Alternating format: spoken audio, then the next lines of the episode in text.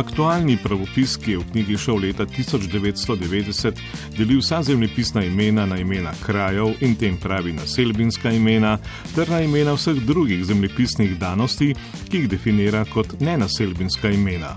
Doktorica Tina Lengar Verovnik, koordinatorica pravopisne komisije in sodelavka na Inštitutu za slovenski jezik Frana Ramovša ZRC SAZU pri obeh skupinah so enobesedna imena povsem neproblematična, ker jih vedno pišemo z veliko začetnico. Razlikujeta pa se pravili za pisanje večbesednih naselbinskih in nenaselbinskih imen. In sicer pri imenih krajev pišemo z veliko začetnico vse sestavine, razen izjem, o katerih zadnje čase veliko slišimo, mesto, vas, trg, selo in njihovih pomanjševalnic, in pa predlogov, ki se pojavljajo v teh imenih. Eh, Naprimer, v imenu Stari trg pri Slovengradcu so potem pravilu z veliko pisane besede Stari, Slovengradcu, z malo pa predlog pri in beseda trg. Nenaselbinska imena so zelo obsežna skupina, zajemajo vse od imen ulic, eh, mestnih naselij in četrti do imen držav, celin, rek, mori, oblik zemljinega površja, pa vse tja do ozvezdi. In za čisto vsa taka večbesedna imena velja, da se z veliko začetnico piše samo prva sestavina, ne prve pa takrat, ko so že same po sebi lastno imeno. V imenu Vipavska dolina tako z veliko pišemo le prvo sestavino, ker je dolina občno ime, splošno in poimenovanje. V imenu Julijske Alpe pa pišemo z veliko tudi to ne prvo sestavino, ker so Alpe izven te zveze že lastno ime. Tokratna reforma je v prvi fazi prenove pravopisnih pravil prinesla odločitev o zapisovanju vseh sestavin naselbinskih imen z veliko začetnico. Tudi zato, ker pogosto ugibamo, kako pisati ne prvo sestavino večbesednih zemljepisnih imen, zlasti ob manj znanih besedah. Zato, ker v besedah mesto, trg, vas in celo danes pretežno prepoznavamo zgolj dejstvo, da gre za neke občne sestavine, torej sestavine s splošnim pomenom, ki jih najbrž zato pišemo z malo, kot si mnogi verjetno interpretirajo pravilo. Um, so začeli nekateri isto logiko uporabljati tudi pri drugih splošnih besedah v krajevnih imenih. Tako so se začele pojavljati z malo pisane druge sestavine, uh, tudi v imenih, kot so dolge njive, volčja jama ali mali vrh, kar je z vidika pravopisnega pravila seveda napaka. Če izjeme ne bi bilo in bi vse sestavine krajevnih imen pisali z veliko začetnico, razen seveda predlogov, bi se morda zmanjšalo tudi število tovrstnih napak. Te se danes pojavljajo, seveda, tudi pri imenih, ki so predmet izjeme. Opazili smo, da naprimer dolenje sel, selce pogosto pišejo z veliko začetnico tudi v lokalnem okolju, da očitno torej ne prepoznavajo, da gre za pomanjševalnico besede selo. In enako velja za posamezne napise na cestnih tablah ali kažipotih. Opazili smo naprimer zapise z veliko pri imenih opatje selo, novi trg ali pa dolga vas. Na to so se pojavile pobude, da se reforma razširi na celotno skupino zemljepisnih imen. No in po tem razširjenem predlogu bi z veliko pisali ne prve sestavine, tudi v imenih kot sta recimo Bohinjsko jezero in Jadransko morje.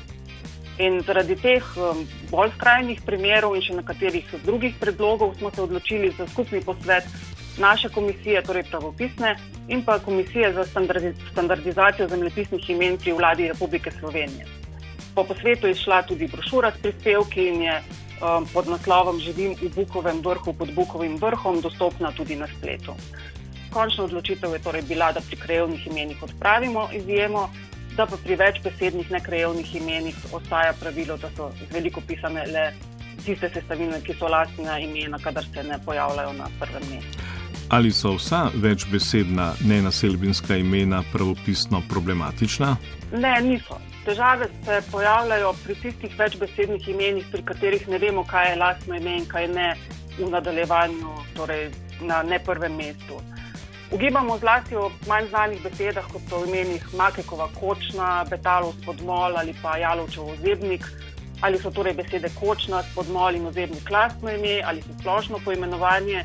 Tega brez nepravopisne informacije, torej informacijo, ki jo dobim drugot, v drugih verih, niti ne morem vedeti. Navadno gre namreč za specifične geografske ali pa geološke pojme, in ravno zato smo v poglavju o začetnici dodali na koncu zelo izčrpen seznam z 212 besedami, ki se pojavljajo kot ne prve sestavine v 837 tako nekrajevnih kot krajevnih imenih in njihove pomene, zato da olajšamo uporabniku iskanje teh podatkov in pohitrimo odločanje.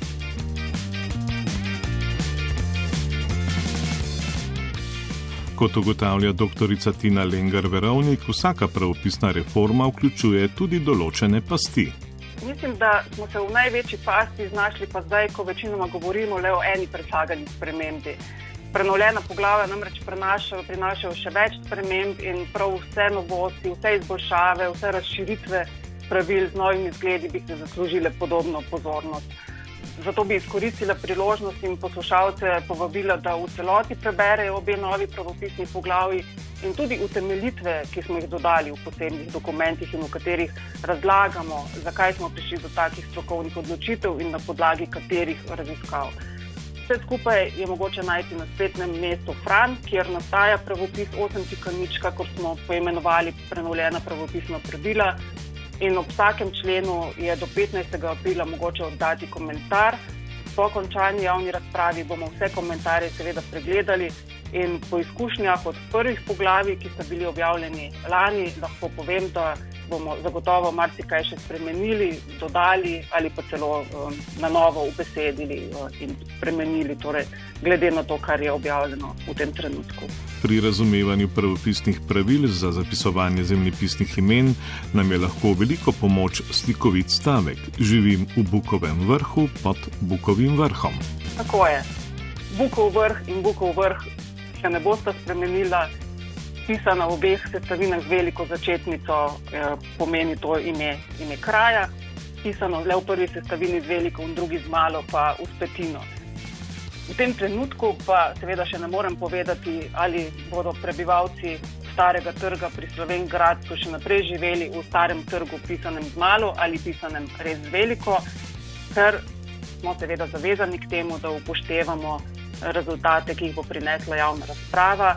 Eh, vendar le tiste komentarje, ki prispejo res po poti, ki sem jo nakazala prej, torej prek spletne strani, na kateri so pravila objavljena, ali pa k večjemu še z neposredno elektronsko pošto ali na kakšen drugačen način eh, na naše naslove, tudi to vrstne odzive namreč že dobivamo in smo jih dobivali tudi ob prejšnji javni razpravi.